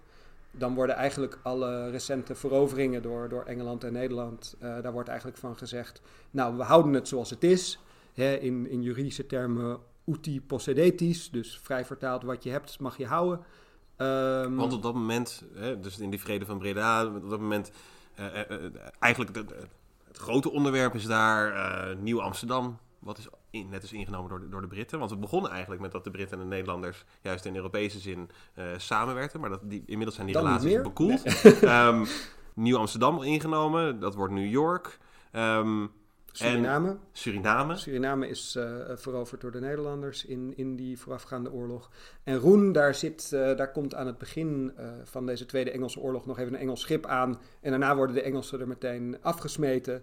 Dus je zou kunnen zeggen: oké, okay, ook dat is binnen het bestek van die oorlog nu veroverd door de Nederlanders. En dat wordt allemaal uh, netjes uh, opgeschreven in, uh, in de Vrede van Breda. Het echt grote nieuws daar is dus dat Nieuw-Amsterdam is gevallen. En New York wordt en dat Suriname door de Nederlanders is veroverd. en Roen is een soort voetnoot daaronder. Wat wel grappig is, dat boek van, van Giles Milton, dus um, Nathaniel's Nutmeg, of in het Nederlands ook verschenen als Nathaniel's Nootmuskaat, um, probeert uh, nou, het is een fantastisch en heerlijk leesbaar verhaal over uh, dat hele gebeuren op de Banda-eilanden vanuit het Engelse perspectief. Dus het volgt ja. Nathaniel Corthup en die is uh, de, de, de, Engelsman die dat eilandje Roen echt op bijzonder spectaculaire wijze nog een tijdje verdedigt tegen de Nederlanders. Maar wat Milton aan het eind van het boek doet, is enorm veel maken van, van de notie dat Roen uiteindelijk is geruild tegen New York. Dus daarmee probeert hij zijn eigen verhaal als het ware nou, belangrijk te maken, een soort groter wereldhistorisch belang uh, uh, te ja. geven. En dat is dus, nou, om het mild uit te drukken, aanvechtbaar. Dat is niet helemaal eerlijk om het, om het Want hij lijkt het te, te schetsen inderdaad alsof het is inderdaad het hele kleine tropische eilandje in die Bandaboog, alsof dat wordt geruild voor uh, het, het, het, het, toch wel wat aanzienlijkere Manhattan. Ja, precies. Ja, ja, ja, ja, dus Dat, dat, dat doet hij. Um, en de grap is dat dat, dat idee is ook. Uh, dat vinden de mensen op de Bandeneilanden ook mooi. Dus dat is daar ook enorm, uh, enorm omarmd. Dus de Vrede van Breda, waar in Nederland niet zoveel over te doen was in, in 2017, werd op Banda groot gevierd, weet je wel. Want toen, toen werd Groen geruild voor New York. Dus dat is wel aardig. Charles Milton heeft dat in dat boek inderdaad, nou, een beetje kort door de bocht neergezet. Ja. Maar dat heeft als het ware ook geleid tot een ja, soort moderne mythe daarover in de Banda-eilanden zelf, waar, ze, waar, ze daar, waar, ja, waar dit nu ook een soort gangbaar, gangbaar idee is. Ik, um, ik, ik zag pas ook de Indonesische vertaling van, van Nathaniel's Nutmeg. En daar is de ondertitel heel anders. Dus de ondertitel op de Engelse is geloof ik iets over de, de grote held. Ja, uh, How One Man's Courage Changed the Course of History. Ja, precies. Dat is natuurlijk wel... en, en in het uh, Indonesisch staat er vrij vertaald de, de specerijenmagneet die uiteindelijk geruild zou worden tegen New York. Ja, Weet je wel? Dus een heel andere nadruk. Dat, dat, dat, dat vinden ze spannend. Ja, ja precies. Ja, ja. Nou ja, dus dat is wel interessant. Uh, dus uh, het blijft een prachtig boek. Alleen de, de manier waarop uh, dat inderdaad wordt vastgepraat aan, aan de geschiedenis en het belang van New York. Nou, daar kun je, kun je wat vraagtekens bij zetten. Ja, En dan ten aanzien, want we hebben dan natuurlijk inderdaad dus die verovering van Banda gehad. En dan wil ik eigenlijk nog vooral ten aanzien van de specerijenhandel nog twee dingen die nog van groot belang zijn. Namelijk hoe, hoe uiteindelijk daar de nomuskaatteelt en de folieteelt... Um, hoe dat, hoe, dat, hoe dat daar plaatsvindt. En natuurlijk die, die bijzondere boom uh, uh, zelf ook wel, die, die nootmuskaatboom. Die dus zowel die folie oplevert als, als de nootmuskaat. Misschien moeten we daarbij beginnen. Zou je daar wat meer over kunnen zeggen, die, die, die, die en die folie?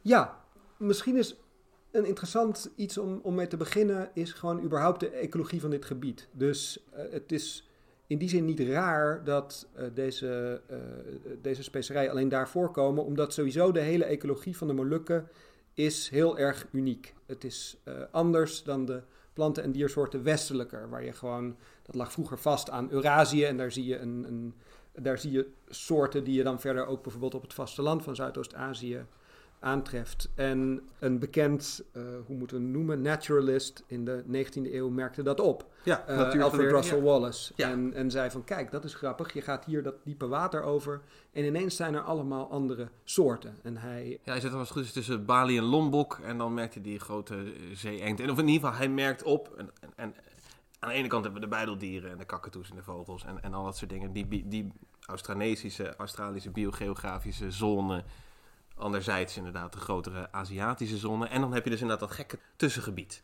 Um, wat uiteindelijk de naam krijgt... Uh, en ik heb zelfs nu de goede uitspraak ervan geleerd. Wallacea in het Nederlands. Ja, ja dus, dus dat, in, dat, in, in, in dat gebied moeten we ook deze soorten plaatsen. En de grap is dat hun unieke smaak... dat geldt trouwens voor heel veel specerijen... komt voort uit het feit dat zij natuurlijke, anti, uh, zeg maar, natuurlijke insecticiden maken. Dus zij willen liever niet opgefroten worden door allemaal kleine tropische beestjes. En maken daardoor wat, wat in essentie een soort zenuwgif is. Dat geldt trouwens ook voor, voor mensen. Dus als je. Um, ik geloof dat er ook wel mensen zijn die dat hebben uitgeprobeerd. Als je nootmuskaat in voldoende hoeveelheden in, in een, een drankje oplost en het dan drinkt dan word je hartstikke stoned en uh, heb je... Don't try this at home, maar inderdaad. Heel veel hoofdpijn. Ja, ja. Um, ja. Uh, ja. Nou ja, goed. Je da kan inderdaad triple de nootmuskaat. ja, ja, ja. Uh, slecht idee, maar het, het kan wel, ja. In ieder geval, uh, die, die nootmuskaat bestaat voor zover ik weet in een, in een paar ook wilde varianten. Maar de enige commercieel interessante variant, uh, die kwam dus uh, voor op, op die Banda-eilanden. Het is, um, ja, even zien, het is een boom met een beetje... Het wordt volgens mij wel eens als laurierachtige bladeren omschreven, dus gewoon puntig. En die nootmuskaat zelf is de binnenkant van de pit van een vrucht die daar ook daadwerkelijk aan groeit. Het vliesje daaromheen, dat wordt folie, dus dat, dat haal, je, haal je los en dat droog je apart en dat verwerk je apart. En die noot, die moet je dus uh, drogen in de zon. Dat kun je nog steeds in de Molukken zien. Dus in het juiste seizoen liggen daar allemaal van die grote doeken op straat. En daar ligt dan kruidnagel en muskaat, et cetera, ligt daar, ligt daar te drogen. En het is nog best een kunst om die goed te verwerken en dergelijke. Dus dat moet daarna voor de reis moet dat in kalk, et cetera. En dat is nog een hele, een hele truc om dat voor elkaar te krijgen. De grap is dat er, meen ik, op Seram en zo komen ook wel wilde nootmuskaatsoorten voor. maar niet de soort die commercieel interessant is. Dat was dus echt, althans van oorsprong, heel erg geconcentreerd op, op Banda zelf. En nou ja, dat, dat gaf ook aanleiding tot dat soort monopoliebeleid. Want als je die paar eilandjes had, dan had je de wereldmarkt in handen. En het is ontzettend vruchtbare grond, omdat er staat natuurlijk... Er staat ja. een levende vulkaan. Uh, uh, speelt hij nog parten, die, die, die, die Gunung Api, in, in, in de specerijenhandel? Want je hebt daar die grote kegel, die, die, die komt, nou, een groot deel van het jaar staat te roken toch nog steeds wel. Um, ja, hij barst af en toe uit. Kijk, de grap is ook dat de hele Molukken zijn um, nou een van de meest tektonisch en seismisch actieve gebieden ter wereld. Dus er raken drie continentale platen, knallen daar op elkaar. Ternate is een actieve vulkaan. Uh, een, heel groot deel van de Noord-Molukken bestaat uit actieve vulkanen. Uh, de grootste historische uitbarsting, die van de Tambora, uh, die, we, die we kennen. wat is het, 1814 geloof ik, 1815. Dat is dus ook daar. En wat je ziet is dat die Gunung Api, die barst nog steeds af en toe uit inderdaad. Maar juist in de periode waar we het over hebben, is die extreem actief. Dus in de jaren 10 van de 17e eeuw is er de ene grote uitbarsting na de ander. De Nederlanders bouwen hun, uh, hun fort op, uh, uh, op Nera, Fort Nassau. En dat ligt dus echt in het zicht van die vulkaan. En het eerste dat er gebeurt in de jaren daarna is dat er de hele tijd grote brokken puin, puinsteen op, uh, op neerregenen. En de Engelsen merken dan ook smalend op van ja, dit is uh, divine justice. Maar letterlijk, Ja, zeg maar, ja, zij ja, zien er gewoon een soort straf van God voor het totaal onacceptabele eh, gedrag van de Nederlanders in die eilandengroep.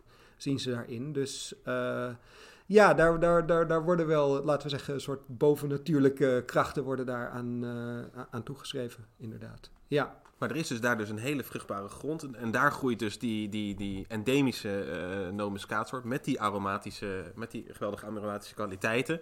En die moeten dus inderdaad via nou ja, allerlei bewerkingen eh, kunnen die pas worden, worden verhandeld. Want we moeten inderdaad in zo'n kalkbad, ehm, wat dan ontkieming tegenhoudt, maar ook eh, insectenvraat en, en, en, en al dat soort dingen. En, en die foelie is natuurlijk, ja, dat is inderdaad alleen maar dat, dat een soort van klein onhulsel eigenlijk om dat nootje, om dat, om dat nootje heen. En daaromheen zit dan nog een soort van, eh, een, beetje, een beetje lijkt op een persik. ja. Ehm, maar niet zo smakelijk als een persik. Nee, het is trouwens wel grappig, want op de Molucca wordt het wel... ehm, dus je kunt daar gewoon bijvoorbeeld een smoothie van dat spul, een nootmuskaat eh, sap, kun je dan... Dat is die vrucht. En de Oh, grap ja. is, dat is vrij... Daar moet een onganse hoeveelheid suiker bij. Oh, ja, ja, maar het- komt heid of zo. Ja, Ja, nee, gewoon... Dus je kunt het ook gewoon eh, dus een soort vruchtensap van maken. Maar dat is dan zo bitter als wat. En dat moet je dan echt... eh, nou, heel erg zoeten om dat eh, lekker te maken. Maar dat kun je dus ook gewoon eten. En dat, heeft, dat smaakt ook vaaglijk naar nootmuskaat. Voor wat ik begreep was dat echter niet een ontzettend interessant onderdeel ervan. Dus dat werd meestal, eh, zeg maar in de 17e eeuw als nootmuskaat werd geoogst... werd dat gewoon als afval weggegooid, weet je wel. Het ging om de noot en die ging je, Ja. eh, ging je inderdaad verkopen. Het, het is wel interessant omdat ehm, die verwerking en ook gewoon het goed verbouwen van nootmuskaat... bleek ook complexer dan de Nederlanders dachten. En... ehm, eh, dat is trouwens ook wel even belangrijk om te bespreken, wat er dus na 1621 Ja, gebeurt. dus die eilanden zijn, zijn, zijn ontvolkt. En de Nederlanders rollen daar dan een systeem uit dat zij het perkeniersysteem Ja. noemen. Feitelijk een plantagesysteem, eh, ook gebaseerd op slavenarbeid. Dus zij, geven, zij, zij, zij delen de eilanden op in perken. Die perken worden uitgegeven aan een, keur aan vrije burgers eh, die dan in Azië ehm, eh, eh, er zijn. Dat zijn Mardijkers, dat zijn ook Spanjaarden, grappig genoeg. Dat zijn vrije Nederlanders, et cetera.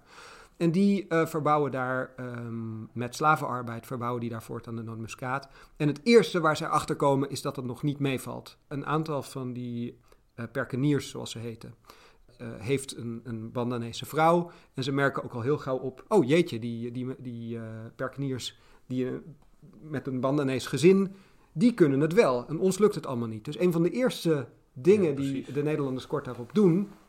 Ondertussen is er dus een deel van eh, of, eh, nou, ongeveer duizend Bandanezen zijn dus naar Batavia gebracht. Daar is trouwens nog weer een opstand. Daarna worden ze allemaal tot slaaf gemaakt. En de Nederlanders besluiten op een bepaald moment om een deel van die mensen in slavernij terug te brengen naar Banda. Want zij weten tenminste hoe je nootmuskaat moet verbouwen en moet, eh, moet verwerken. Ehm, dat perkeniersysteem blijft daarna nog, nog heel lang bestaan. Dus dat wordt inderdaad, die Bandanese samenleving is verwoest, eh, per saldo verdwenen, althans op die eilanden zelf. Ehm, in plaats daarvan komt dit systeem, eh, maar het kan alsnog niet draaien zonder Bandanese know-how. Dus dat... eh, Dat is inderdaad een bijzonder lastige uh, boomsoort. Je moet er ook twee hebben, want je hebt dus een tweehuizige boom. Dus het is een mannelijk en een vrouwelijk uh, gedeel. En alleen aan het vrouwelijk gedeel groeien natuurlijk de, de, de, de vruchten. En het duurt ook nog eens een keer ontzettend lang nadat je een, een boompje hebt geplant... voordat je überhaupt de, de nootmuskaat kan oogsten. ja. En het is inderdaad opmerkelijk om, te zien dat ze eigenlijk inderdaad... Daar, dus, dat, ze willen dan dat monopolie, ze, implementeren een plantagesysteem... en komen er vervolgens eigenlijk achter dat het kweken en het oogsten... een ontzettend lastige bezigheid was. Uh, waar ze eigenlijk, eigenlijk uh, helemaal niks vanaf wisten. Dat is toch wel dat is, uh, dat onmerkelijk om, om, om je te realiseren. Want ze krijgen volgens mij zelfs ook problemen toch op een gegeven moment... dat ze te veel uh, nootmuskaat omhakken. Want ze proberen dan de hele tijd de productie gelijk te houden. Maar dat lukt ze eigenlijk, uh, nee. dat lukt ze eigenlijk bijzonder slecht. Het, hetzelfde gebeurt trouwens later uh, bij, bij de kruidnagel. Dus daar zie je ook dat ze al vrij snel overgaan op een beleid van... nou, laten we het maar aanplanten in die gebieden waar wij controle over hebben... want dan hebben we straks de productie in handen. En dat dat aanvankelijk niet opschiet, want ook daar duurt het jaren voor je een keer kunt oogsten. En op een bepaald moment lukt het dan wel en dan hebben ze veel te veel. En dat is ook een deel van het dat inspireert een deel van dat latere beleid daar, waarbij ze zeggen van nou, het is helemaal niet erg als we alles dat niet onder onze controle is uh, verwoesten. Want we produ produceren zelf al te veel voor de wereldmarkt. Dus dat, dat kan. Ook interessant trouwens en minder bekend. Dus in mijn, mijn eigen onderzoek kom ik ook met grote regelmaat um, vanaf de jaren 30 nootmuskaat tegen op West-Zeeram. Dus de Nederlanders gaan daar dan voortdurend tochten houden waarbij ze alle, alle kruidnagel die ze uh, aantreffen omhakken. Uh, de nootmuskaatboom heeft wel degelijk uh, zijn ontsnapping weten te maken vanaf Banda. En wordt dus ook aangeplant in die andere gebieden waarmee de Nederlanders het aan de, aan de stok hebben. Dat maakt het uiteindelijk ook mogelijk dat het monopolie nog weer eens een eeuw later wordt doorbroken. Uiteindelijk is er een Fransman die inderdaad op een afgelegen Molukse eiland van de lokale bevolking een heel aantal zeilingen van zowel kruidnagel als nootmuskaat uh, weet mee te krijgen. En, ja, Pierre uh, Poivre. Pierre Poivre, what's in a name? Ja, inderdaad. Ja. Precies, dus die uh, begint zijn opleiding als priester, is daar niet zo goed in en is, heeft verder een bijzonder kleurrijke carrière als nou, laten we hem maar avonturier noemen uh, in, uh, in de Oost. En is uiteindelijk degene die inderdaad um, een heel aantal zeilingen van zowel kruidnagel als nootmuskaat uh, weet, weet weg te voeren uit de Molukken. En vervolgens wordt dat uitgezet op Mauritius, Zanzibar, et cetera. En, en, is het gedaan met het, met het, met het monopolie. maar je ziet dus dat ook na 1621, dan hebben ze de eilanden veroverd, maar het blijft een soort niet aflatende worsteling om dan alsnog dat monopolie te handhaven. Ja, um, nootmuskaat verspreidt zich ook enigszins van nature. Ja, um, ja, daar is ook een duif bij betrokken. Ja. dat, is wel dat is een heel leuk verhaal. Ja. Nederlanders ook proberen die duif elke keer uit de lucht te schieten. Ja, dat is mooi. Hè? Ja. Ik, uh, ik hoorde laatst ook dat uh, iets vergelijkbaars. Dus er groeit tegenwoordig heel veel. Uh, dus er is een ecoloog, misschien ken jij hem wel, Patrick Jansen. En die heeft onderzoek gedaan naar de nootmuskaat in Panama, waar namelijk de toekans diezelfde rol hebben gekregen. Oh, dus die, eten Die, uh, die eten die vruchten en die poepen daarna die hele muskaatnoten uit. En op die manier verspreidt de nootmuskaat zich. Dus die, die hebben die muskaatduif als het ware, die, die doen hetzelfde ecologisch. Ja, die toekan neemt eigenlijk dezelfde rol. Ja. Dat is wel grappig. Ja, want volgens mij eten ze vooral graag die, de foelie op die er omheen zit. Um, maar je ziet natuurlijk ook dat zo'n vrucht er natuurlijk ook is om te worden verspreid door, door, door vruchteneters. Ja. Um, ik vond het erg grappig om te lezen dat, dat dan die VOC-mensen, dat dan, uh, dus die, zelfs die duiven proberen dat monopoliestreven, of dat monopoliestreven daar, daar eigenlijk, uh, eigenlijk een soort letterlijk scheid aan hebben. Aan monopoliestreven. ja, dus, ja. ja, dus dat is... Uh, um, en je ziet dus eigenlijk dat dat monopolie uh, wordt doorbroken. Uh, maar je ziet tegelijkertijd ook, je, noemt het al dat per, perkenierstelsel, dat dat zo anders eigenlijk is dan, dan hoe, hoe de, de, de handel en de productie voor de rest eigenlijk van die specerijen verloopt. dat, dat dat veel meer in handen wordt gehouden van, van de lokale bevolking. En dat daar de VOC vooral optreedt als, als de handelaar om de koopbaar in te kopen. Of is, dat, of is die tweedeling niet helemaal uh, terecht? Mm, nou, ik zou zeggen, op Ambon heb je, laten we zeggen, een beetje een, een, tussenvorm. Dus op veel plekken blijft de VOC gewoon zijn hele bestaan een, vooral een handelaar. Ja. Uh, met, met, met weinig effectieve controle over de, de, de, bevolking buiten hun eigen factorij. Op bijvoorbeeld Ambon, waar de kruidnagel vandaan komt, is het, dat nadrukkelijk niet het geval. Dus ze gaan er uiteindelijk in de jaren 50 toe over om uh, dat Hoamoal, waar dus heel veel kruidnagel groeit, volledig ook te ontvolken in dit geval uh, niet door iedereen dood te hongeren, hoewel er goed wat doden vallen. Uh, maar uh, om het inderdaad ecologisch te verwoesten. En als de laatste dorpen zich hebben overgegeven, zeggen van nou, jullie komen dus nu op de plekken die wij aanwijzen wonen, onder de muren van onze forten, zodat we jullie kunnen controleren. En dit gebied, wederom, wordt een eeuwige woestijne, een eeuwige woestenij. Hier mag niemand meer wonen. Um, en je ziet dat eigenlijk de productie. Dus ze hebben overal een soort uitroeiingspolitiek. Op Ternate zeggen ze: hey, meneer de Sultan, wij geven uh, u dit bedrag per jaar op voorwaarde dat u ophoudt met kruidnagel verbouwen. Ja. Uh, op uh, West-Seram zeggen ze: kapper ermee, iedereen eruit. En varen ze jaarlijks een rondje met de Hongi, dus een, een, een vloot van lokale voertuigen. Uh, rond al deze gebieden om te kijken of er niet stiekem ergens nootmuskaat of kruidnagelboompjes uh, groeien. En de productie komt eigenlijk geheel en al uh, in handen van diegene over wie ze directe controle hebben. Dus oorspronkelijk groeit er heel weinig kruidnagel op Leitimor, dus op het gebied van het, deel van Ambon dat zij direct onder controle hebben. Ja. Zij beginnen al gauw daar een, aanplant, een, een, beleid van, van aanplanten. En eigenlijk blijft die kruidnagelcultivatie blijft heel erg in die gebieden. Dus je kunt zeggen van ja, dat, dat, dat, daar, daar, ze waren vooral aan het handelen. Maar ze lieten het daar heel specifiek verbouwen door hun eigen onderdanen. En door niemand anders. Ja. Eh, want Oh, dan ja, ja, eh, kon, je, kon je wachten dat het gedonder er weer van kwam, zal ik maar zeggen. Ja. Eh, dus daar geldt dat niet zozeer. Daar, daar proberen ze ook de productie heel erg te controleren. Dus ja, nou, daar, daar, daar kun je een hoop over zeggen. Het ligt, het ligt er maar aan. Maar in Ja. veel gebieden eh, zijn ze toch wel behoorlijk hands-on, eh, zal ik maar zeggen, qua het controleren zelfs van de, zelfs van de productie. Ja. Ja. En nou het jaar eh, 1621, dus inmiddels vier eeuwen geleden, dat die eh, eh, Jan Pieterszoon Koen daar zo ontzettend huis hield. Wat wordt er dit jaar eigenlijk daar, eh, wordt daar dit jaar nog aandacht aan besteed, aan dat, aan dat herdenkingsjaar, aan die vier eeuwen terug? Ja, zeker. Eh, er zijn ehm, ook een aantal academische bijeenkomsten, eh, maar misschien interessanter op Banda zelf. eh, is een heel programma voor dit jaar ook, dus eh, ze herdenken dat daar heel groot. Ja. In Nederland, nou het is allemaal zowel op Banda zelf als hier natuurlijk wat bemoeilijkt door, door de pandemie. Ehm, maar in Nederland staat er een tentoonstelling van foto's van jongeren op Banda nu op de rol in het Scheepvaartmuseum. En het Westfries Museum, en daar ben ik zelf ook eh, enigszins bij betrokken, eh, heeft besloten tot een groot, grote online tentoonstelling. Dus een grote, eh, grote website waarin dan niet alleen objecten, maar ook verhalen, filmpjes, et cetera, worden gepresenteerd. Die niet alleen wat daar is gebeurd, maar ook de nasleep en hoe het nu nog relevant is, inderdaad laat zien. Ja. Ja. Wat zijn, er is daar veel over bekend. Ik kan me voorstellen dat, dat dat inmiddels in ieder geval bekender is. Maar dat, hoe wordt er eigenlijk vanuit Banda gekeken naar die episode? Eh, wordt dat nog herinnerd? Wordt dat op scholen verteld? Hoe, hoe, wordt, daar, eh, ehm, hoe wordt dat verteld? Ja, dat is interessant, omdat de mensen die daar nu wonen, dat zijn ehm, natuurlijk niet de mensen die daar oorspronkelijk Precies, zijn, ja. zijn verdreven, zal ik maar zeggen. Eh, dus er zijn heel veel overlevenden van wat er in eh 1621 is gebeurd. Die zijn deels naar Batavia gegaan, een deel komt uiteindelijk in Makassar. Op de Kei-eilanden, dus oostelijker, zijn nog steeds dorpen die eh, bestaan uit de nazaten van diegenen die in 1621 zijn gevlucht. Die Ja. dat ook nog weten, die daar een orale traditie over hebben. Op Banda zelf wordt het gewoon gezien als een interessant onderdeel van de eigen geschiedenis. Er wordt met veel minder wrok naar gekeken dan je misschien zou verwachten.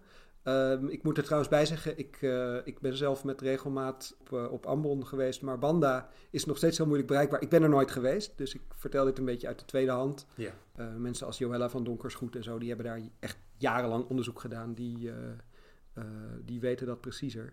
Maar eh, wat je ziet is dat ze het gewoon zien als onderdeel van hun verleden. Eh, op die plek bijvoorbeeld waar die bloedige onthoofding plaatsvond. Het, de, de overlevering wil dat al die lichamen daar in een put zijn gegooid. En op de plek, op, ja, die, die put is als het ware een monument geworden. Daar staan alle namen van die Orankaya. Daar is, elke vijf jaar is daar een, een herdenking. Oh ja, is daar. ja, ja. En men ziet het ehm, ja, vooral als een soort onderdeel van het verleden. Is daar weinig eh, wrokkig over. Maar als je mensen daar vertelt dat er nog een standbeeld van Koen in Hoorn staat, dan fronsen ze wel een beetje met de wenkbrauwen. Want dat is wel echt heel merkwaardig dat je eh, zo'n man die daar eh, de hele boel compleet heeft ontvolkt, nog op enigerlei wijze zou. Dat je met die egaars nog een... ja. ja, want dat standbeeld, dat is misschien wel een, goed om nog even mee af te sluiten. Want dat was natuurlijk onlangs ook wel weer in het, in het nieuws. Ehm, eh, van de zomer was daar, eh, waren daar wat protesten omtrent. Dat is trouwens niet de eerste keer. Jij, jij vertelde mij dat de plaatsing eigenlijk al vrij eh, omstreden was. Ja, de tijd dat dat standbeeld wordt geplaatst is ook de tijd van de Aceh-oorlog. En de Aceh-oorlog creëert ook een soort tweedeling in de Nederlandse samenleving, zou je kunnen zeggen. Dus er zijn mensen die eh, in die tijd zeggen van ja, we moeten daar gewoon orde op zaken stellen en niet goedschiks, maar kwaadschiks. Ja. En eh, er zijn mensen die inderdaad daarnaar kijken en maar dit kan toch niet jongens, weet je wel. Die oorlog duurt maar voort en eh, er vinden ook echt enorme gruwelijkheden plaats. Dus Koen wordt voor beide kanten in het licht van die oorlog een held dan wel een schurk. Je ziet dat de eerste studie die echt goed kijkt naar wat er in 1621 is gebeurd, die heeft dan zo'n eh, prachtige titel waarvan je zou denken, oh dit is een soort koloniale verheerlijkingsstudie, de vestiging van het Nederlands gezag over de Banda-eilanden. En die auteur van Darscheis, die maakt echt gehakt van hoe Koen dat heeft aangepakt en eh, zegt van nou, er is wel gezegd aan zijn naam kleeft bloed en dat kan ik helemaal onderschrijven. Dit boek eh, verschijnt drie jaar voordat het initiatief wordt genomen tot een tot een standbeeld. Oh, ja, ja, ja. Ehm, wat je ziet is dat mensen die voor dat standbeeld zijn, dat zijn bijvoorbeeld de minister van Koloniën uit die tijd, en een, een aantal eh, eh, politici, et cetera. Eh, maar je ziet dat bij de onthulling, dat er ook bijvoorbeeld socialistische nieuwsbladen zijn die schrijven van ja, Koen is een hond, letterlijk. Van waarom, waarom zou je die man een standbeeld geven? Ja, Dus ja. laten we zeggen, de controverse begint meteen. Ja, dus in, in die tijd tegen een wat, wat andere achtergrond. Maar je ziet dat het ook dan eh, wordt, wordt Koen gezien heel erg in het licht van, van dat moment. Hè, de Atje-oorlog op de achtergrond. En, en dat, dat is dus ook meteen eh, eh, problematisch. De koninklijke familie wacht zich er ook voor. Die stuurt niemand naar de opening. Die worden uitgenodigd en die denken, we kijken wel uit. Dus dat beeld is dan al Ja. controversieel. En zeker na de koloniale tijd is het dat ook na- natuurlijk steeds, steeds gebleven. Meest, nou ja, ik weet niet of je het grappig moet noemen, maar wel kleurrijk is dat, het was in 2011 geloof ik, is Ja, dat beeld ja, ja. toen ehm, door een ehm, onhandig achteruit parkerende kraanwagen naar later bleek van zijn sokkel gemapt. Ehm, en eerst was ook helemaal niet duidelijk wat er was gebeurd. Dus op een ochtend lag dat beeld daar. En daarna begon natuurlijk de discussie: moeten we het terugzetten? Ja, precies. aanleiding voor een hele tentoonstelling in het Westfries Museum. Ehm, uiteindelijk eh, allemaal gesprekken in de, in de gemeenteraad, et cetera. Uiteindelijk is het teruggezet met een hernieuwd tekstbordje. Met in die tijd heel hip twee QR-codes. Dus je scande de ene, je kreeg de ene kant van het verhaal. En je scande de ander en dan kreeg je de andere kant van het, Ja. eh, van het verhaal. En de grap is dat de ehm, website die het Westfries Museum nu gaat, eh, gaat optuigen, is in zekere zin. Nou ja, ik, ik kan niet voor hen spreken. Ik weet niet wat er was gebeurd als we niet afgelopen jaar Black Lives Matter hadden gehad. Maar eh, het is wel eh, daardoor gaan rollen. Dus Ja, ja, eh, hè, de Black Lives Matter beweging werd al gauw veel breder en keek eigenlijk überhaupt naar de erfenis van het kolonialisme en waar dat nog werd verheerlijkt, et cetera. En in Nederland concentreerde zich dat zeer begrijpelijk best wel hard op dat standbeeld van Koen. Dus van de zomer eh, was daar een demonstratie, er waren verschillende petities om het te verwijderen. Er eh, was ook natuurlijk Baudet die daar langskwam met Ja. zijn, eh, hij noemde het de bloemenrevolutie geloof ik. En dan ging die, en het eerste wat hij deed was bloemen brengen naar Koen. En dan vraag je je af, nou dat is misschien politiek, Van, maar van alle figuren die je kan uitkiezen Ja. uit de 16e, 17e eeuw. waarom begin je daar? Weet je wel, Misschien als, wel ja, een van de meest onverstandige om... ja. Ja, is dat dom of is dat bewust, bewust rellen, zullen we Mhm. maar zeggen? Nou ja, goed, eh, daar, daar verder van afwezen. Maar dat was ook reden voor, wederom, voor de gemeenteraad om het op te pakken. En het gaat dan ook wel wat, wat netter dan het her en der in Engeland en Amerika is gegaan. Dus het idee is dat er nu, is er in de gemeenteraad weer een heel gesprek. Wat moeten we met dat beeld? En eigenlijk eh, een van de opties is, nou, het in het eh, IJsselmeer gooien, dat, laten we dat maar niet doen. Maar misschien kan het van zijn sokkel af en naar het nabijgelegen Westfries Museum. Eh, waar je het in een museale context kunt presenteren. En waar, waar, waar het niet meer op een sokkel in de publieke ruimte staat en iedereen ernaar moet opkijken. Want je kunt dat moeilijk loszien van toch enige vorm van, van verering, eh, zullen we Ja, maar zeggen. ja, ja, ja. Ehm, dus, Hoewel misschien niet meer actief beleefd voor, voor de meeste mensen, voor, voor, voor de horenaren, of zeg je horennees, ik weet het eigenlijk niet. Ja. dat kun je erg bekennen. Eh, want het staat in Horen, ja, het staat in Hoorn. Dus de maar inderdaad, je kijkt van er naar op. En in zo'n museum zou je het natuurlijk bin- binnen die historische context kunnen plaatsen. En, dan, eh, en dat is meer dan een bordje erbij of een QR-code waarin je het verhaal eh, uit de doeken doet. Ja. ja, en wat je ziet is dat dat beeld wel weer gaat, eh, laten we zeggen, het geldt voor meer dingen. Eh, dus wat je ziet is, als die discussie er weer is, dan krijgt het beeld voor beide partijen ook weer die betekenis, ook al was het eerder vergeten. Eh, dus je ziet wel degelijk dat mensen als, eh, als Baudet ineens eh, weer de mond vol hebben over ons koloniale verleden, waar je ook best een beetje trots op mag zijn, weet je wel. Ja. En, dus voor zover het beeld die betekenis had verloren, heeft het die nu weer teruggewonnen. En dat betekent dat je er ook linksom of rechtsom iets mee zult, zult moeten misschien. Maar in ieder geval was, was dat dus de aanleiding om, om inderdaad die, die website te, gaan, te gaan maken. Ehm, En stil te staan dus bij, ja, bij 1621. ja. Maar eigenlijk ook bij de nasleep daarvan, wat er daarvoor komt. De, eigenlijk dit, dit historische verhaal waar, waar we nu met z'n tweeën ehm, over hebben gepraat. Ik wil je hartelijk danken voor dit gesprek. En ehm, de luisteraars thuis natuurlijk ook bedankt. En tot de volgende keer. Dit was weer een aflevering van Radio Horselnest. Dank u voor het luisteren.